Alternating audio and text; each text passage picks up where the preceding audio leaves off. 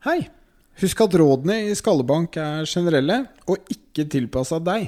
Hvert tilfelle er unikt. Derfor anbefaler vi at alle med hjernerystelse eller mistanke om det oppsøker kompetent helsepersonell for en individuell vurdering. Her kommer episoden.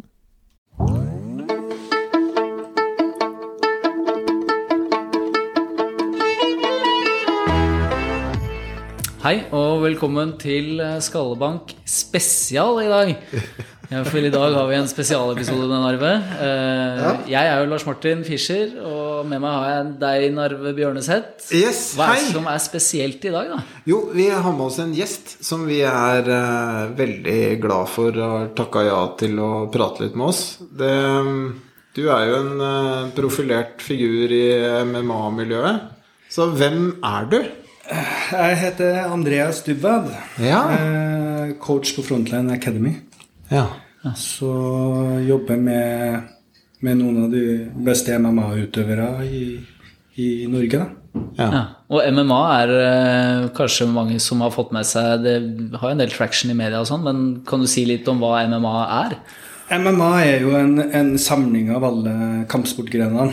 Eh, Mix martial art står det for.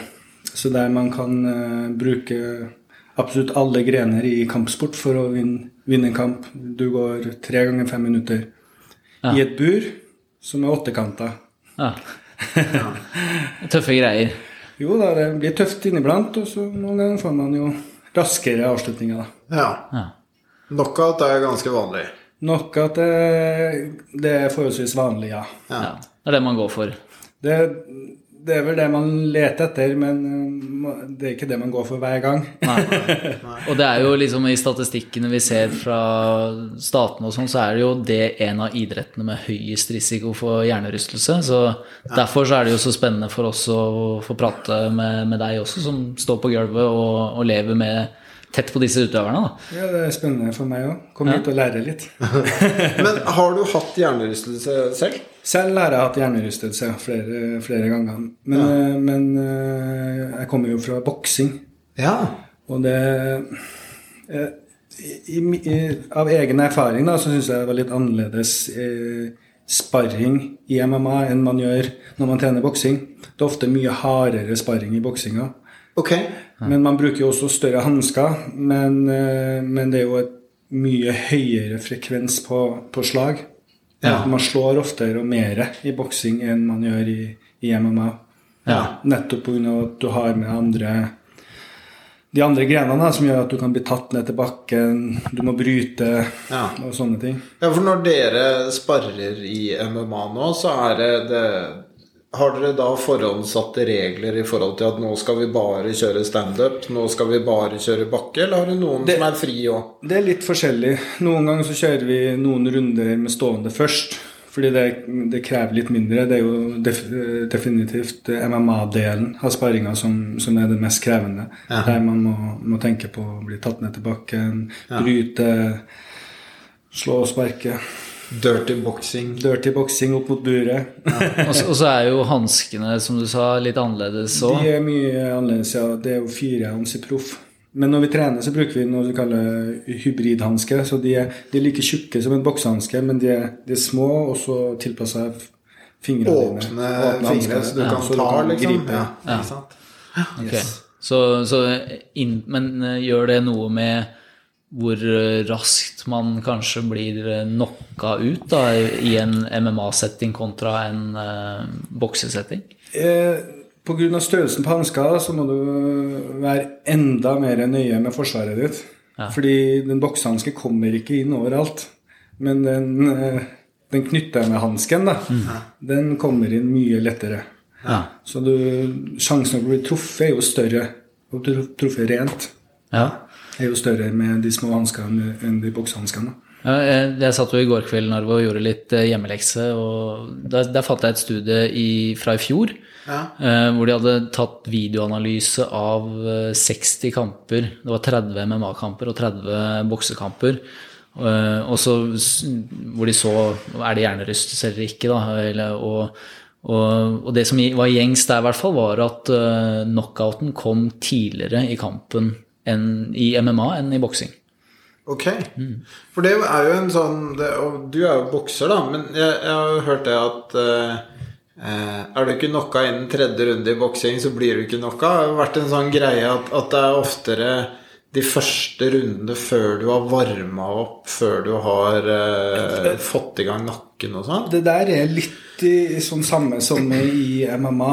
Eh, jeg tror man Eller det virker som, som man blir påvirka hvis man blir truffet hardt tidlig. Mer enn når man, kroppen har begynt å komme i gang. Kroppen er klar for å ta imot eh, og absorbere støt. Men mm.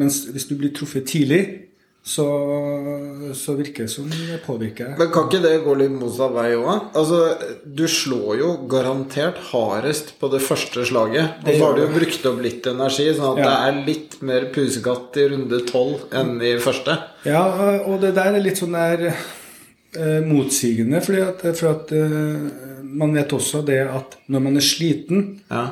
så er det også mye lettere og farligere å bli catcha. Jo, jo. Ja. Det ser vi i fotball annet. At eh, forekomst av hjernerystelse, spesielt hos jenter, Ja. det er mye hyppigere i siste halvdel av kampen. Så der spekulerer man i om, om fatigue, altså at du er sliten i nakkemuskulatur eller ikke klarer å følge med like godt, at det kanskje kan ha noe å si for at du får en smell. Det kan også ha noe med det med blikket å gjøre. Hvis Ja, man er sliten, så får man ikke fulgt med. Og det er jo ikke det slaget man ser som er farlig, det er jo det som, som kommer når du ikke ser det. Ja. Ja. Og det er jo dette her Altså, man kan jo beskytte seg til en viss grad med å stive av eh, nakkemuskulatur og, og være sterk der, ikke sant. Men, men det den samme studien også viste, var at eh, og det, det var ikke uvanlig at eh, begge utøvere kunne få hjernerystelse i én og samme kamp. Det var vel, det, på det meste så var det en som ble klassifisert med syv hjernerystelser i løpet av én kamp. Eh, Men eh, i 98% av tilfellene så var det utøveren som fikk hjernerystelse først, som tapte kampen.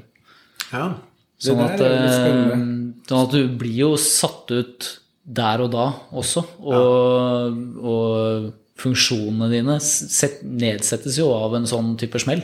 Du får jo eh, Altså, hvis du, hvis du ser noen få en relativt eh, klar treff, så eh, kommer jo uttrykk som 'stanky legs' og alt i sin rett at det er ikke like god kontroll på kroppen. Og da vet vi jo, hvis det skjer, så vet vi at det, han har hatt hjernerystelse.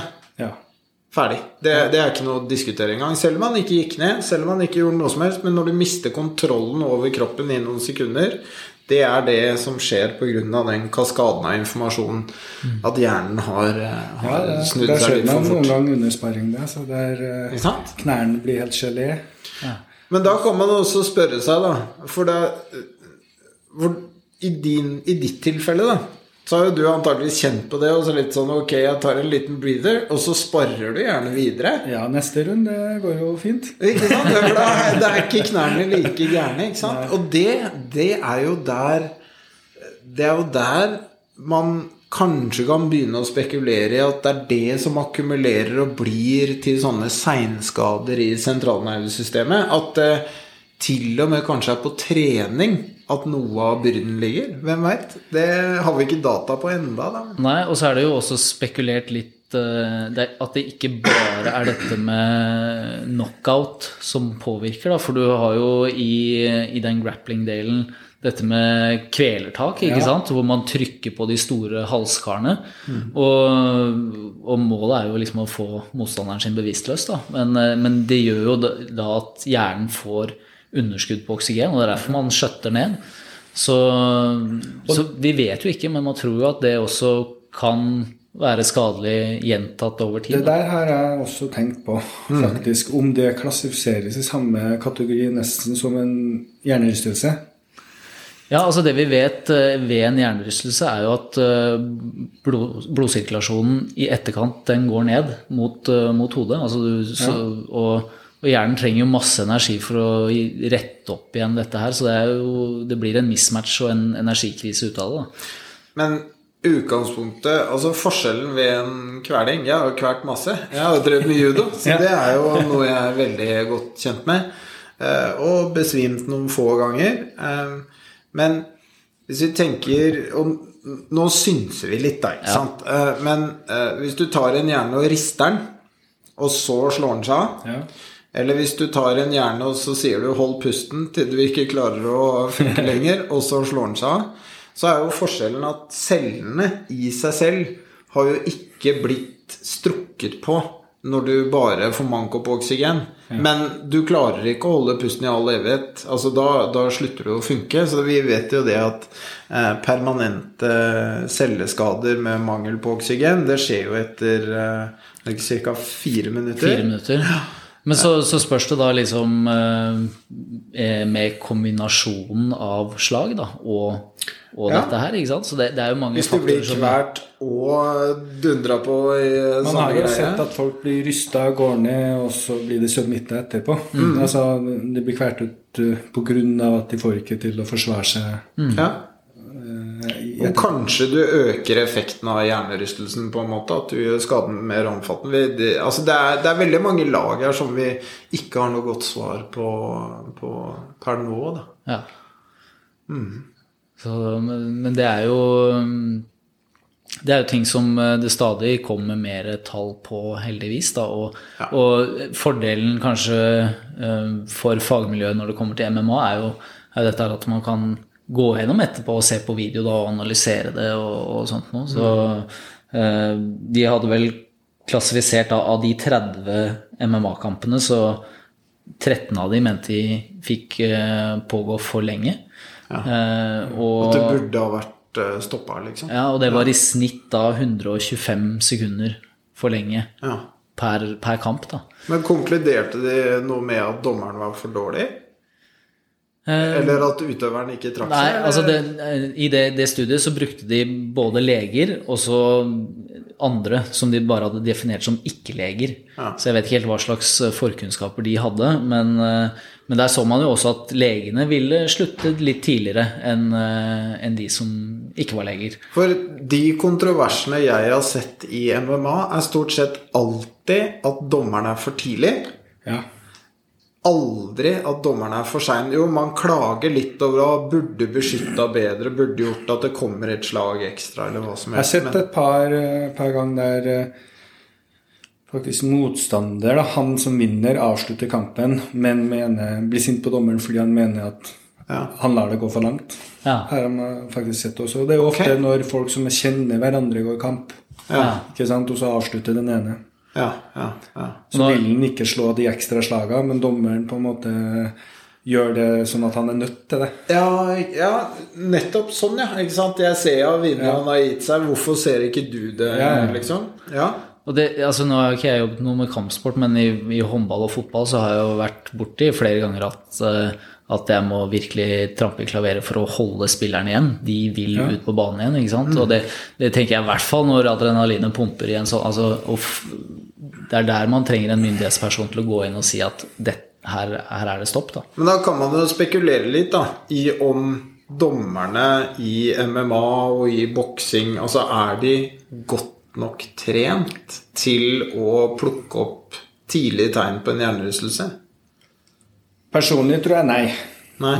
Jeg tror ikke at MMA har vært så langt på den der eh, Det med bruk vitenskap for å, for å, for å optimalisere. At de, at de er trent på akkurat det. Men jeg tror nok, tror nok at de er inne på det nå.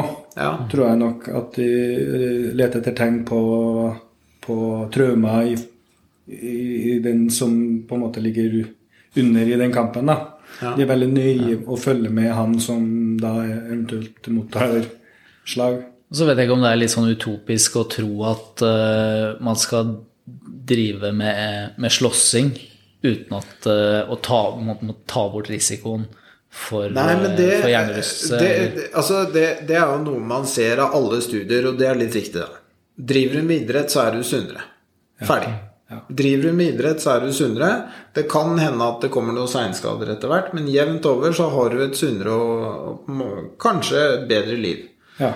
Men med, med en gang det går fort, eller slås, eller sparkes, eller er eh, et objekt som skal flyttes på, eller hva som helst, så løper du en risiko for at kroppen din kan stoppe fort i noe annet. Ja. Ikke sant? Sånn at det, det skjer jo.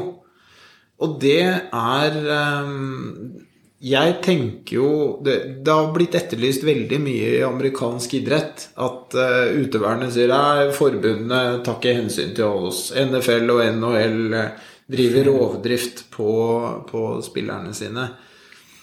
Eh, som kanskje til en viss grad har vært sant, men det er også fordi kunnskapen blant trenere og blant helsepersonell har jo vært, det har vært mindre og mindre. ikke sant? Altså Hvis du ser på forskninga innenfor hjernerystelse de siste ti åra, så har det mer enn tidobla seg. Nesten ja, Hvor mye er det? Jeg, jeg tror det lå på rundt 2000. Så lå det på rundt 100 artikler i året, var det det? Og nå ligger det på rundt 1000, et eller annet sånt. Sånn at det er vanvittig mye mer forskning som Jeg, jeg, skjer. jeg tror det er mer. Jeg tror vi nå er liksom opp i en, eh, en tidobling av det igjen også. Ja, altså det, det, det skjer ting, da, ikke sant. Så det er mye mer interesse. Så, som uh, i forrige uke så ble det publisert den, den første eh, hva skal vi si, konsensusrapporten rundt paraidrett. Ja. Altså folk som ikke har fullfungerende Ja, ja. kropp. Da, i 2021, fikk de en uttalelse om hva som er lurt og ikke lurt å gjøre rundt hjernerystelse. Hmm. Så det er kanskje ikke så rart at man ikke snakka så høyt om det i 1980, som faktisk er eh, 40 år siden. Ikke sant? Altså det, det er noe med at utviklingen Men er det noen som har tatt på seg det å sammenfatte der og finne den, noen, noen som, som er det samme i alle forsknings...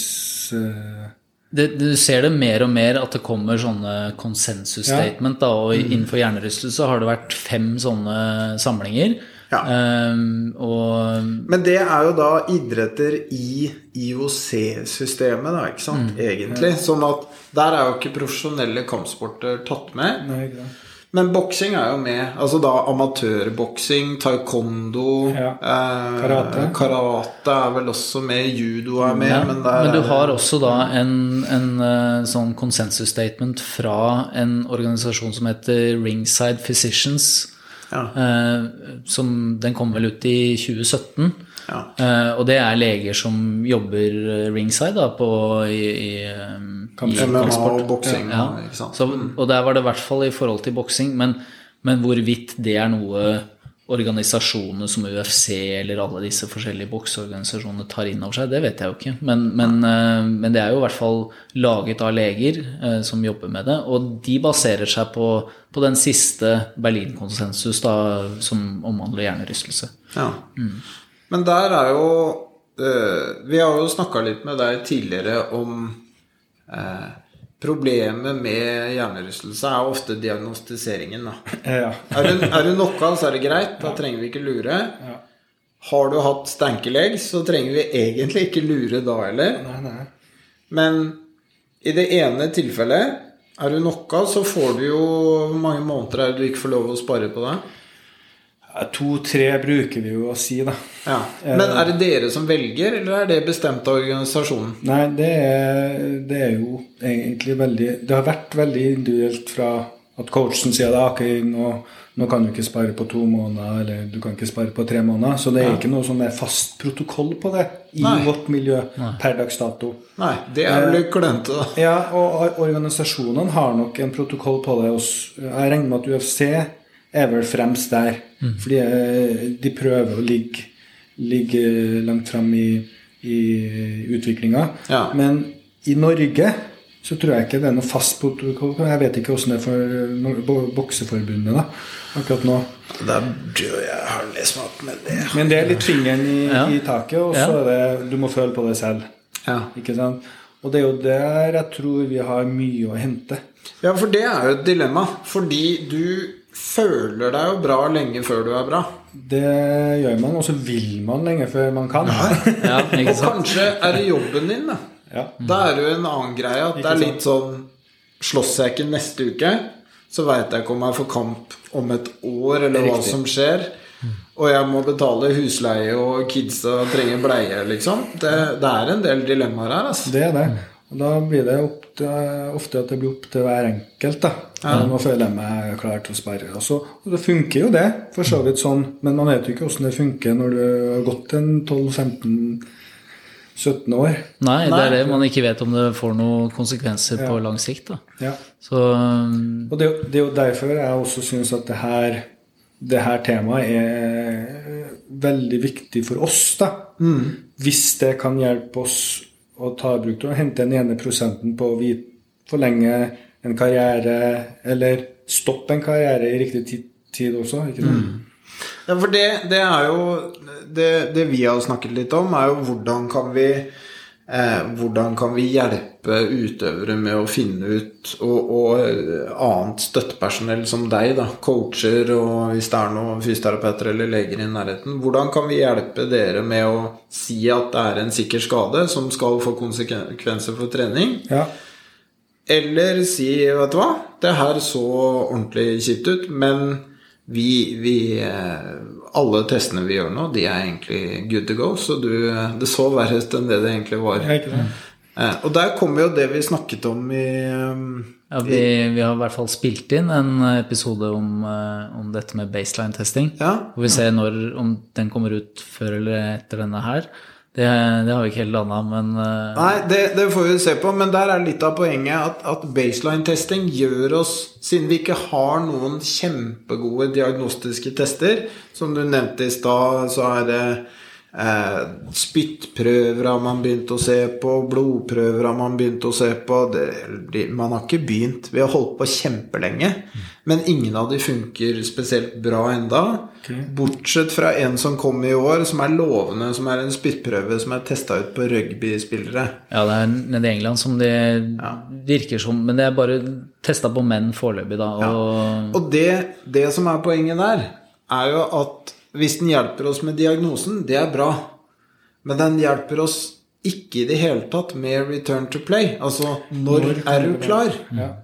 Da trenger, du, da trenger du data på hvor smart du var, hvor kjapp du var, hvor god du var til å balansere. ikke sant? Alle de parameterne som er viktige for eh, en hjerne i forhold til kommunikasjon med en kropp. Ja. Det må vi vite på forhånd, og da kommer baseline-testing. da. ja. Og det er jo den, Jeg vet ikke så mye om det, men jeg, jeg hadde en prat med, med Emil Mek om akkurat det der. Og han hadde jo hørt om baseline-testing. Ja. Eh, og da Han var jo interessert i å, å teste det, da. Ikke sant? Ja. Så det er jo det, Altså, vi, vi kommer jo eh, sannsynligvis når, når tiden tillater det, og, og alt sånn, og teste noen MMA-utøvere, og så får vi se da om det kanskje gjør at den karrieren blir litt lengre, eller at man kan ta og gjøre noen grep. For det er jo eh, målet med alle, alle mulige testprotokoller det er jo egentlig ikke å få mest mulig behandling ut av det, Ja. men å sørge for at en karriere varer lengst mulig med best mulig helse. Ja. Ikke sant? For du har et liv som er sinnssykt mye lenger etter at du er ferdig med idrett. Altså, Det snittet er vel altså, Hvor så- gamle er MMA-utøveren når de gir seg nå? 37? 35? 37? Og så er det ikke bare dette med altså Her snakker vi om toppidrettsutøvere òg. Ja. Det er og masse penger i, i spill. Så, så det er jo også det å gi de tryggheten til å gå tilbake og trene når de kan det. da, At de ikke går gjennom de to-tre månedene eh, for sikkerhets skyld, og så kunne de kanskje ha trent eh, mer som normalt tidligere. Ikke sant? Ikke sant? Så de er jo eh, I toppidrett så er de jo ute etter hele tiden de der få prosentene, ikke sant, for å Og så snakker man jo om at huet må være på plass. da Så hvis du lurer på om du er bra, så er du jo ikke bra. Ja. For da kommer du til å ha den lille demonen, styggen på ryggen, som gjør at du kanskje taper den kampen, eller kanskje Men man vet jo også at penger spiller jo mye Det gjør det, i avgjørelsene til fightere. På grunn av at du tjener ikke gode penger før du kan komme på et visst nivå. Og det er ganske høyt, det nivået. Men snakker vi, hvis du tar UFC, da Ja. Er det topp ti som tjener penger? Ja, det er de som tjener Og så har du jo da altså han derre Hva heter han eh, supermusa eh, Mighty Mouse. Mighty Mouse. Ja, han har jo gått til One FC.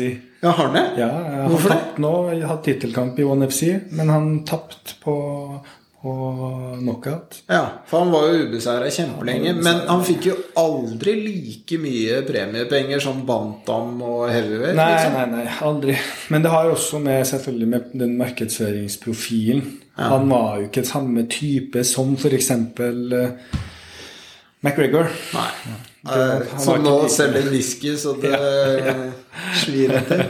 Men, men det man ser også, er jo det at ofte dominerende fightere som Mighty John Jones har jo ikke tapt ennå. Uh, Adesanya har jo heller Han tapte jo en kamp sist nå, Ja. uh, men det var jo da i vektklassen over. Det var i Hamlet sin vektklasse, lett tungvekt. ja.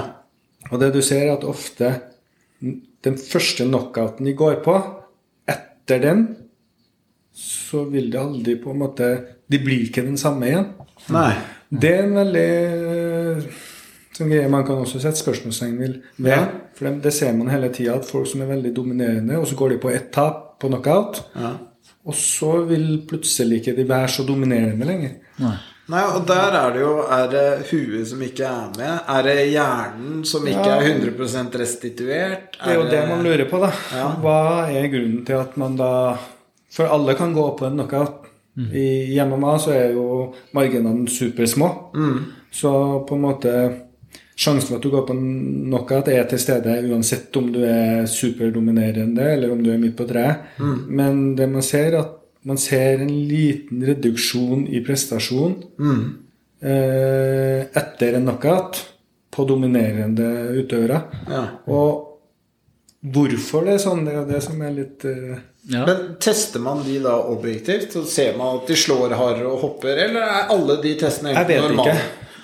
Jeg, vil tro at de gjør det sånne folk som Mighty Mouse, eh, John Jones og Adesanya. At de gjør eh, grunne tester, eller ikke grunne tester, men ganske heavy testing for å, for å se åssen kamper påvirker. Men jeg, jeg, kan ikke si Men er det, er det opp til uh, apparatet rundt hver enkelt utøver, eller er det liksom at eh, det det UFC man- har et uh, UFC er jo et opplegg. opplegg. De har jo et apparat rundt utøverne som, heter, som stiller, de stiller for utøverne sine hele tida. Det ser man med Jack. Nå har de jo fått ut et sånt der Whoop-on. måler det absolutt alt fra rem-søvn til dyp søvn, restitusjonen din, hjertet, åssen ja. du ligger eh, helsemessig an hele tida.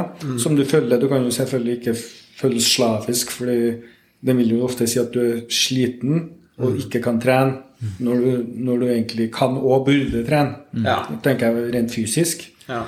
Men, øh, men jeg, tror, jeg tror at UFC er ganske, ganske på det der. Det er jo den veien det går innenfor alt. da At vi bruker eh, sånne kroppsdatainnsamlinger Ja. som sier oss veldig mye. Så Ja. Og det er jo der vi i Norge henger etter. For vi henger etter ikke bare i forhold til sporten, så da sier det seg selv at vi henger i hvert fall etter på det som er utviklinga internasjonalt på sporten. Så det er jo Ja, men du, du sa jo her før vi trykka på record-knappen at, eh, at det skjedde jo en endring når, eh, når du fikk inn en utøver Ja. eh, for noen år siden. Ja, det var en liten eh, f- Første på en måte utøveren som vi har Som er profilert i MMA nå, som kommer fra Som en reindyrka toppidrettsutøver, er jo han Martin Hamlet. ja. Og han tok jo med seg den måten å tenke på. Eh, I måten han på en måte tilnærmer seg MMA på. da. Samtidig så kom han jo fra bryting som en stor del av MMA, som ga han en litt, et, også et fortrinn. Men, men det største fortrinnet er jo måten å tenke på som toppidrettsutøver. For da eh, MMA i Norge har jo egentlig aldri vært toppidrett. Fordi når vi hadde Joakim og de store Jon Olav Einemo og de store MMA-utøverne, så de trente jo ikke sånn som f.eks. Northug. Optimaliserte ikke O2-opptak, eh, eh, restitusjonen sin og alt, alle de faktorer som spiller inn hvis du skal prestere optimalt. Bare skyt inn der at Kosthold er riktig. ja. Joakim Hansen og Jon Olav Einemo var jo eh, De har vært eh, rett og slett Pionerer. superhelter og Ja. pionerer borte i Japan. De var sinnssykt svære. Ja, det er litt spesielt at ingen, omtrent ingen i Norge vet hvem Joakim Hansen er, men Joakim i Japan Hansen- så vet alle hvem han er. Født og oppvokst på Veitvet. Ja. Og da kom Japans TV hjem til han og kjørte hjemme hos-reportasje på Veitvet for en av de virkelig store fighterne i Japan. For han andre coachen, eh, coachkollegaen min, Mossen Bahari, Ja, han eh, trente jo i Team Hellboy. Ja. Han var jo en av treningspartnerne til Joakim Hansen. ikke sant? Og så, så jeg, Den gangen trente ikke jeg mamma. Jeg trente boksing den gangen. Så jeg kjente den ikke da, men jeg har blitt kjent med den i etterkant. Og det, er det er jo en morsom skrue. Ja, det er eh, Han har en eh, sjukt fet walkoff hvor en fyr ruller inn i kneet hans, og han bare snur og går motsatt vei. Ja, det er legendariske kamper. Han er jo, det, er, det er ikke rart han er populær i Japan, for Japan liker jo sånn Alt som er vilt, det liker de. Ja, og det er jo, det er jo kommersielt, og det er jo eh, altså, Som du sa, det er kanskje ikke de som vinner mest, som er de som drar Nei. de største pengene. Ikke Nei, sant? det Det er det er litt, litt annerledes enn uh, en trauste Japan norske skiløpere. Ferdig, Japan er liksom. show. Japan er show. Ja, ja, det er show. Det ser man. eh, Det er jo fra den K1-tida også. For, eh, for de av vårt publikum som ikke var gamle nok til å se på Eurosport, Eurosport på tidlig 2000-tall, det var jævlig fett, ass. Da, Det gikk det, da gikk det ordentlig hissig kampsport i prime time på Eurosport. Det er lenge siden. Ja, det er lenge siden. Fy fader. Men det var en liten fast uh, følgerskare, tror jeg. Den var ikke så stor. Nei. Men uh, den uh, harde kjernen satt og kikka på da hver gang uh, de store navna var i kamp. Jeg husker fatter'n ropte meg inn på stua fordi det var sumobryting på Eurosport. Altså. Det var litt gøyere. Men altså, det var jo da. Men nå er det jo, nå er jo MMA også i sterk vekst i Norge, eller er det Ja, ja det, det, det er sterk vekst. Jeg tror, eh, jeg tror at det er brasiliansk jiu-jitsu, grappling og thaiboksing drar mye av oppmerks... eh, Drar mye medlemsantall eller mye oppmerksomhet. Får mye oppmerks- oppmerksomhet pga. det MMA har begynt å få til i forhold til øh, Stort sett alle de som gjør det bra, er jo ikke de som begynner reint på MMA. De kommer fra en eller annen spissa ja. spissa greie. Så du har jo eh, å, Hva het hun judodama som gjorde det bra? Cecilie. Uh, ja, nei, jeg tenker ikke på norske, men, men oh, ja, ja, ja. amerikanske. Godeste Hun som har lagt opp? Ja. Ronda Rousey? Yes. Ja. Hun gikk jo fra bronse i OL i Ja. judo til å bli superdominerende i flere år i kvinne-MMA i UFC. Ja. Så, øh, og- det er jo en, en overgang man ser etter hvert, fordi eh, amatøridrett genererer jo ikke så veldig mye penger, i hvert fall ikke i Norge, nei, nei. med mindre du spiller golf, tennis eller gå på langrenn. Da. Ikke sant? Og Altså, langrenn er jo ikke en stor sport engang. Nei, men i Norge er det svært. I Norge er grisesvært. Men det betyr jo at Og det samme problemet er jo Altså De amerikanske judoutøverne de, de lever jo på minimale stipender og trener ræva av seg for å få en medalje. Og så hva gjør vi nå? nå?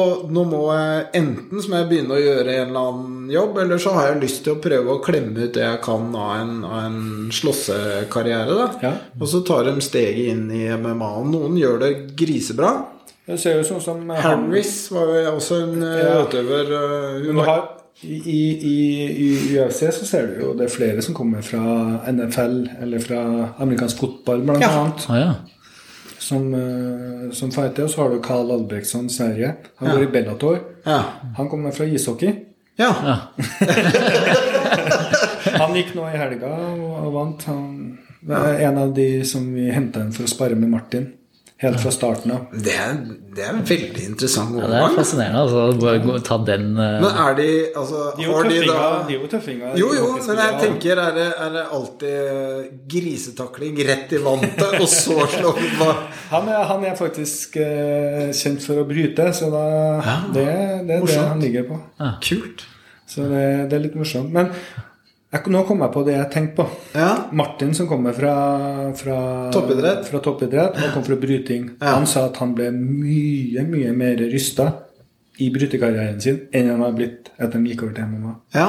På sparring, fordi de skaller sammen Mm, masse. hele tida. Kutt hele tida.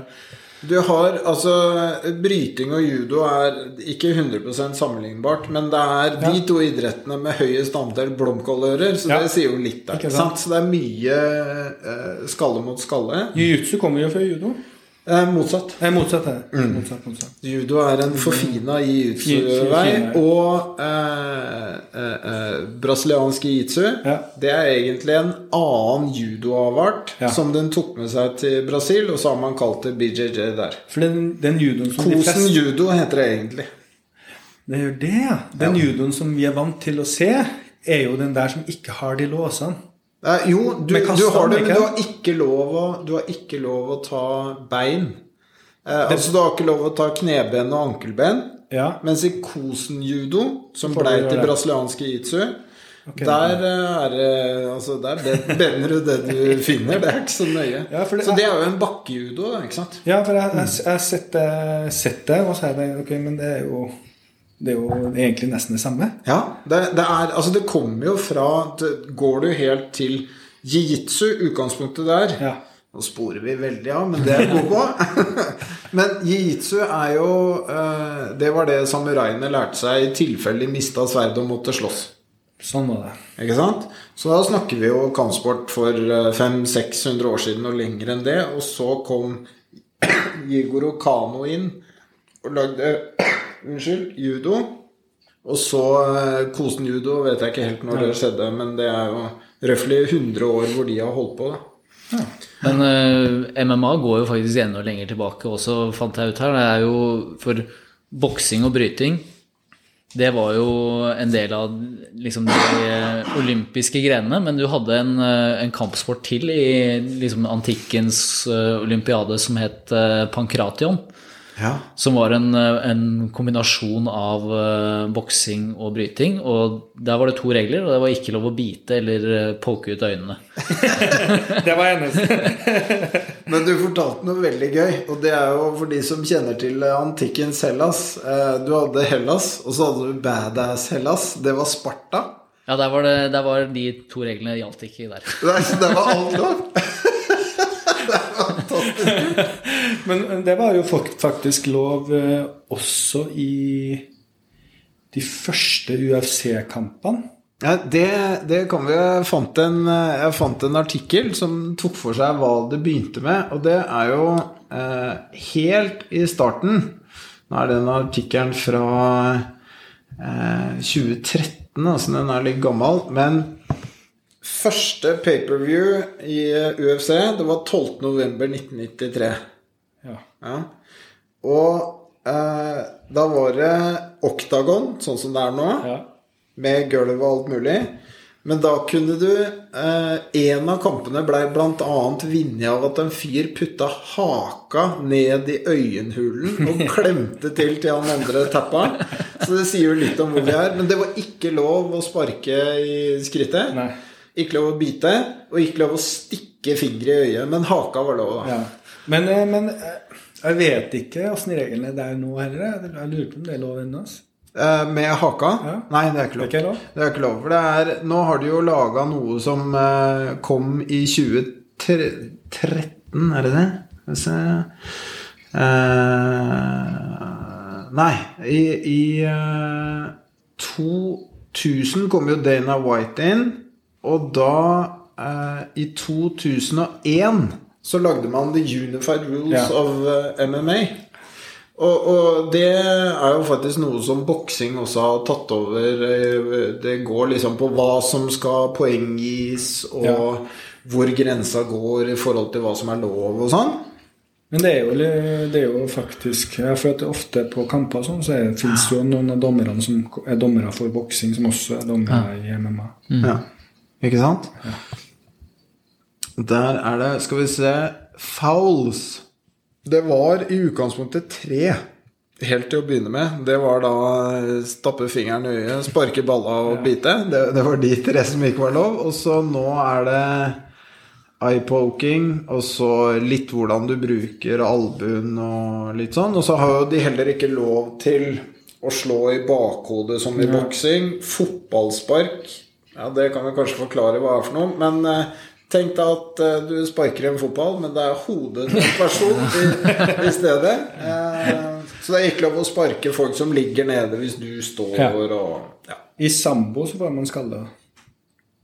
ja, og så har du jo en helt koko Altså én ting er jo thaiboksing, men du har jo en sånn bare knuckle-greie i Er det i Burma? Ja, Hvor du har lov å skalle Ja. og Altså jeg husker ikke hva den der heter. Sullavat Nei, ja. Ja, Nei, et det- annet. Jeg- Men det er jo det som blir litt sånn uoversiktlig her òg, da. For det selv om kanskje sporten Grenene flyter litt over i hverandre, MMA er kanskje mange ting, så er, er det ett sett med regler eh, i ett land og et annet sett med regler her. Altså, Ja. i, her i Norge har du ikke lov til å gå kamper. Nei, Nei. det har man ikke. Eh, man får lov til å gå diplomkamper. Da får man ikke slå hardt. Man skal bare vise at man kan teknikken. Så det vil si eh, Det vil si som i, i eh, kickboksing at det bare er touch, liksom? Ja. Ja. Semikontakt? Se, ja, veldig semi. Ja. Ja. Diplomkamp.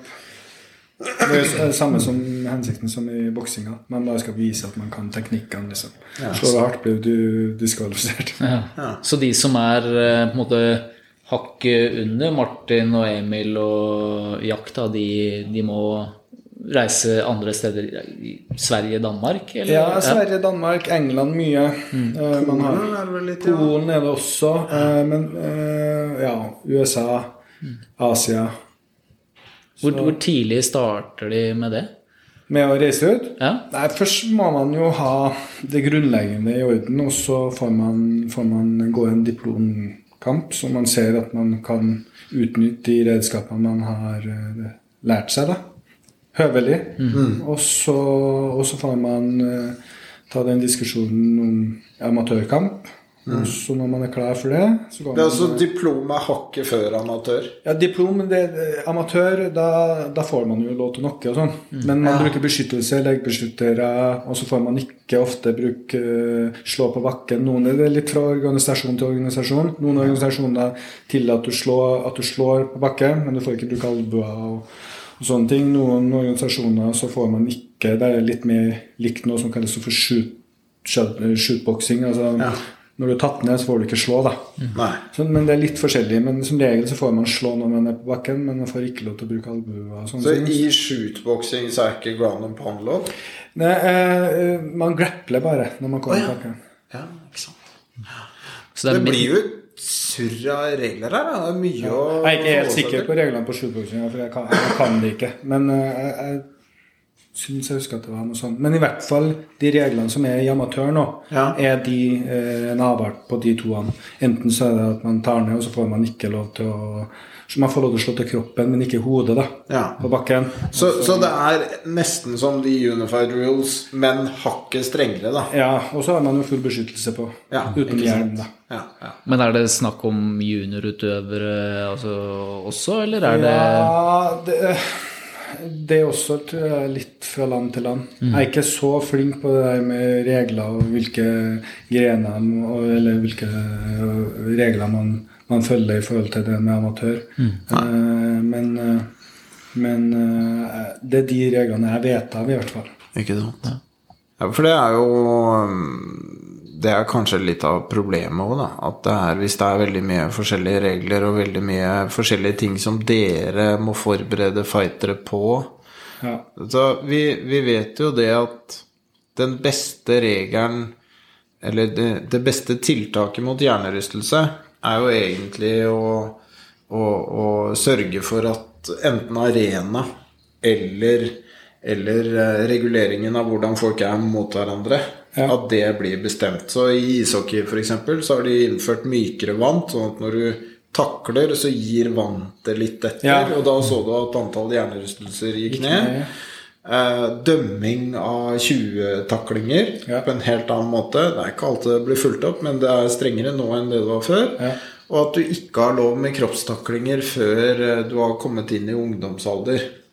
Ja, og i kvinnehockey er jo ikke kroppstakling lov i det hele tatt. Nei, men der kan man diskutere om det igjen er en sånn greie som henger igjen. da For at, altså, hvorfor skal det være forskjellige regler mm. for jenter kontra gutter? Altså, er det, Er det fordi vi sier at dere skal lage barn, så derfor får dere ikke lov å leke på like premisser? Eller er det fordi det er farligere? Det vet vi jo ikke. Nei.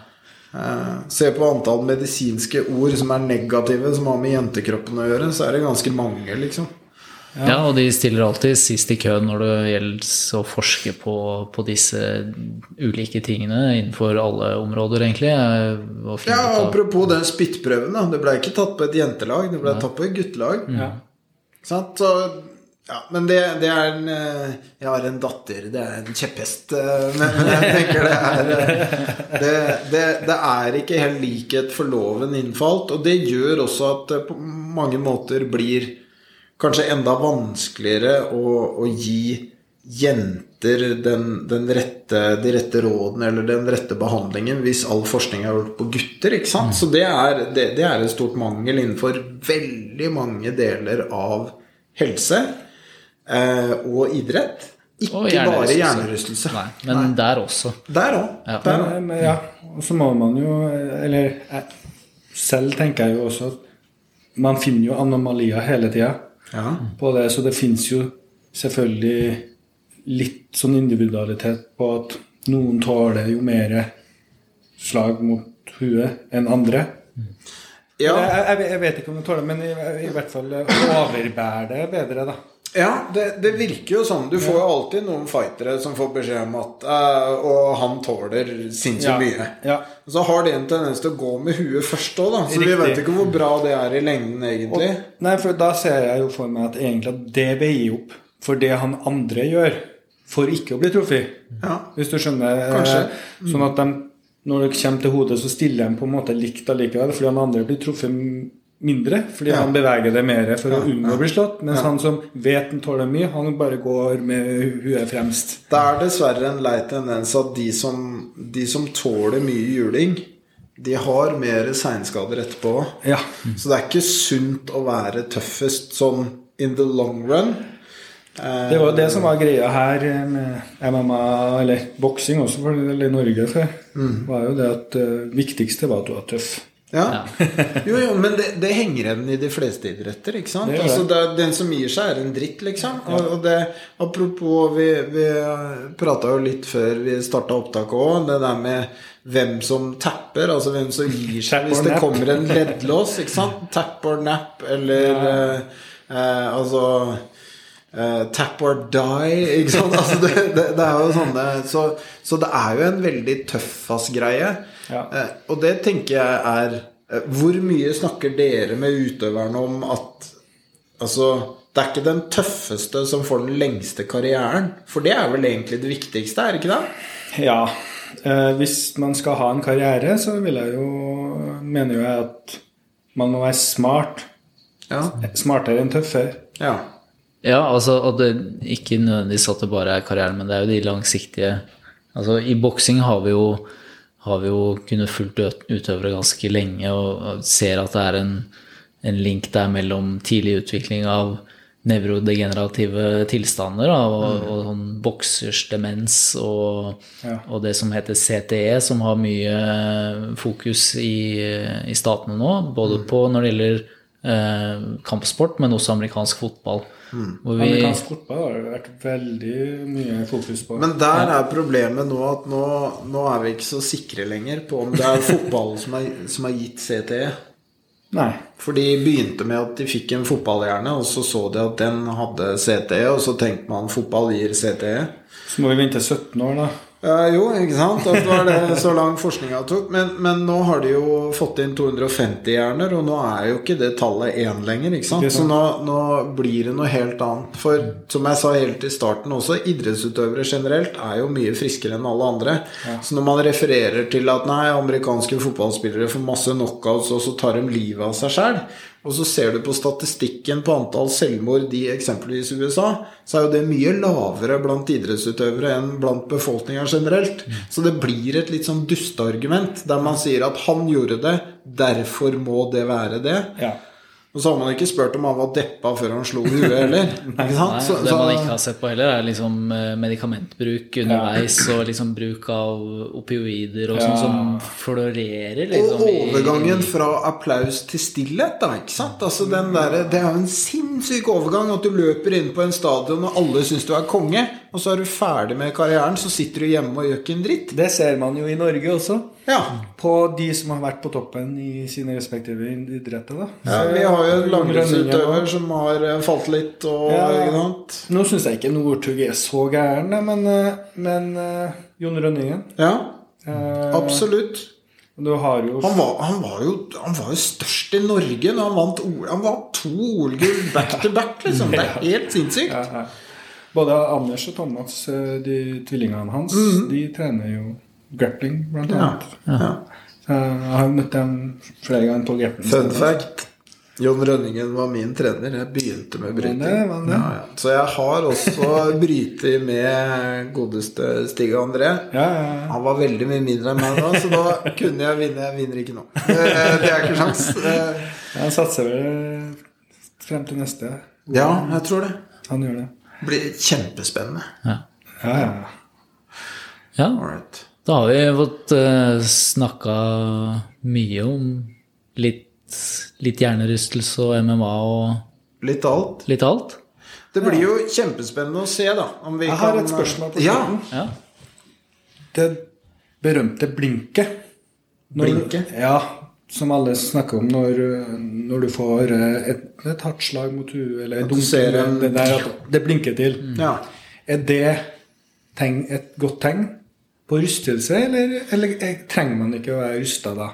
Nei, altså det eh, For det jeg, hører jeg, jeg på tenker, Å, nå blinka det. Ja, men jeg tenker da at det er eh, antageligvis på lik linje med at du får utfall i beina eller utfall i kroppen generelt, Ja. men kanskje i litt mindre grad. For hvis du får synsforstyrrelser, Ja. så betyr jo det at synsnerven din, eller synssenteret i hjernen, har sagt at nå var det et sterkt lys. Og hvis det ikke var et sterkt lys da, så betyr jo det at signalet har kommet fra i anførselstegn ingenting. Ja. Og da har det jo skjedd en påvirkning av hjernen som ikke var der før. ja. Ikke sant? Så, så jeg tenker egentlig, hvis noen sier 'blinke', så er svaret 'da stikker du i dusjen'. Ja. For eh, altså, hjernerystelse er jo en utelukkelsesdiagnose, så eh, når, når vi skal teste noen som har fått en smell, så ønsker vi først og fremst å utelukke er det noe alvorlig. Og, og er det ikke det, så er det kjent traume eh, og symptomer. Og det som blink, det er et symptom. Ja. Det er lik hjernerystelse. Okay, okay, okay. Så så enkelt er det. Ja, men eh, da kommer jeg til å starte med den sist. Nå Jo, men det- jeg-. I idretten så har man jo en, eh, en, en veldig enkel greie som er, er 'if in doubt, sit it out'. Ja. Ikke sant? Men i kampsport så har jo ikke det vært greia. Nei, det er For der, der, hvis du ser treningsvideoer på Insta, på Facebook, på internett generelt, så er det et eller annet at man snurrer fort rundt, og så skal du finne deg sjæl eller gjøre Sånn at man jobber jo med hvordan klarer hjernen å hente seg inn etter desorientering. Ja. Og får du en smell, Ja. du blir jo desorientert. Men du skal ikke øve på det. Fordi da er du egentlig ferdig, i mine øyne. Men, men det blir jo en Altså, det her er jo egentlig dommeren som skal gå inn og si Jeg har jo også en ting, da, og det der, er jo, det, det der er jo når man skiller trening og kamp. Ja. Jeg mener at de, de, hva skal jeg si, de kampene der med deg selv Mm. bør være forbeholdt kamp, ikke trening. Ja, det kan man si. Ja, fordi i, i kamp så vil Med en gang du sier blinke, så det er jo ingen som, ingen som kommer til å legge seg ned og Nei, det, det er ikke ikke det. Men prøv å holde det til, i hvert fall når du går kamp. Eh, sånn på trening så var man heller bare Ok, greit. Du, det blinka til. Gå i dusjen. Ta det med ro. Ja.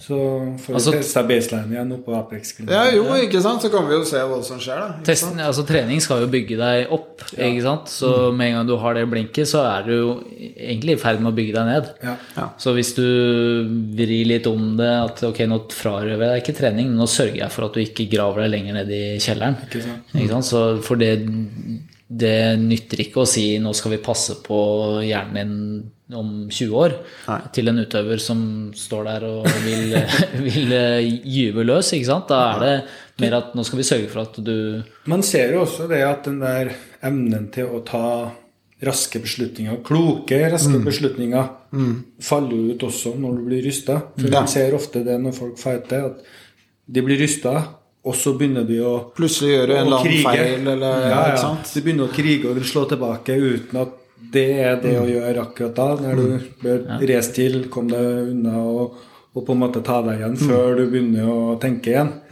Og det, det er jo en sånn her klassisk ting som ofte skjer når folk blir rystet. Gå Mm. rett inn i overlevelsesmodus Ja, ja. på et eller annet vis. Ja, Altså er jo Et vanlig symptom ved hjernerystelse er jo at man blir mer irritert. ikke sant? Så når du skal stoppe noen fra, fra å gjøre det de i utgangspunktet elsker å drive med, og så i tillegg så er de litt mer irritert, da. Så, så, så jeg vil jo forvente å få litt motbør når jeg sier at du skal i garderoben. Ja. Du får jo en reaksjon på hockeybanen, på håndballbanen, på fotballbanen, og av da folk som er vant til å slåss, så regner jeg med at det kommer en reaksjon. reaksjon. rystelser gir jo som ofte Du går jo fra rasjonell til irrasjonell Ja. på et blunk. Ja, ja, ja. Så jeg er glad det ikke er jeg som skal stå og nekte Emil Mekko. Han kunne Nei, sikkert det- fysisk eh, overtalt meg til å få fortsette. Jeg vet ikke om det er et argument, men det er Husker du, husker du dette med pengene? Eh, nå tar vi vare på pengene hvis vi Nei, nei, vi har eh, han eh, Martin. Ja. Han Hamlet, han er jo, han, er jo vinnerskalle. Han blir sinna på Mm. Ja. seg sjøl. Men, Han blir sinna på seg sjøl. ja, som du sa, da, han kommer fra et profesjonelt eh, altså toppidrettsmiljø. Ja, Men er han flinkere til å innse eh, Det blir jo på en sånn personlig greie, og vi skal jo ikke oute noen Nei, her, da, men opplever du at han er flinkere til å si at 'nå skal jeg ikke trene fordi jeg fikk en smell i går'? Eller er det du som må ta de avgjørelsene? Eh, Jeg prøver jo å følge med. Og vi diskuterer ofte også ok, tok du imot mye nå følte at han fikk mye rene treffere under den, den sparinga. Så vi, vi prater, vi har en dialog på det, der man diskuterer om man skal spare hardt neste trening, eller om, om det blir litt rolig, om man skal gå full pinne, eller om man skal prøve å holde igjen litt på neste trening.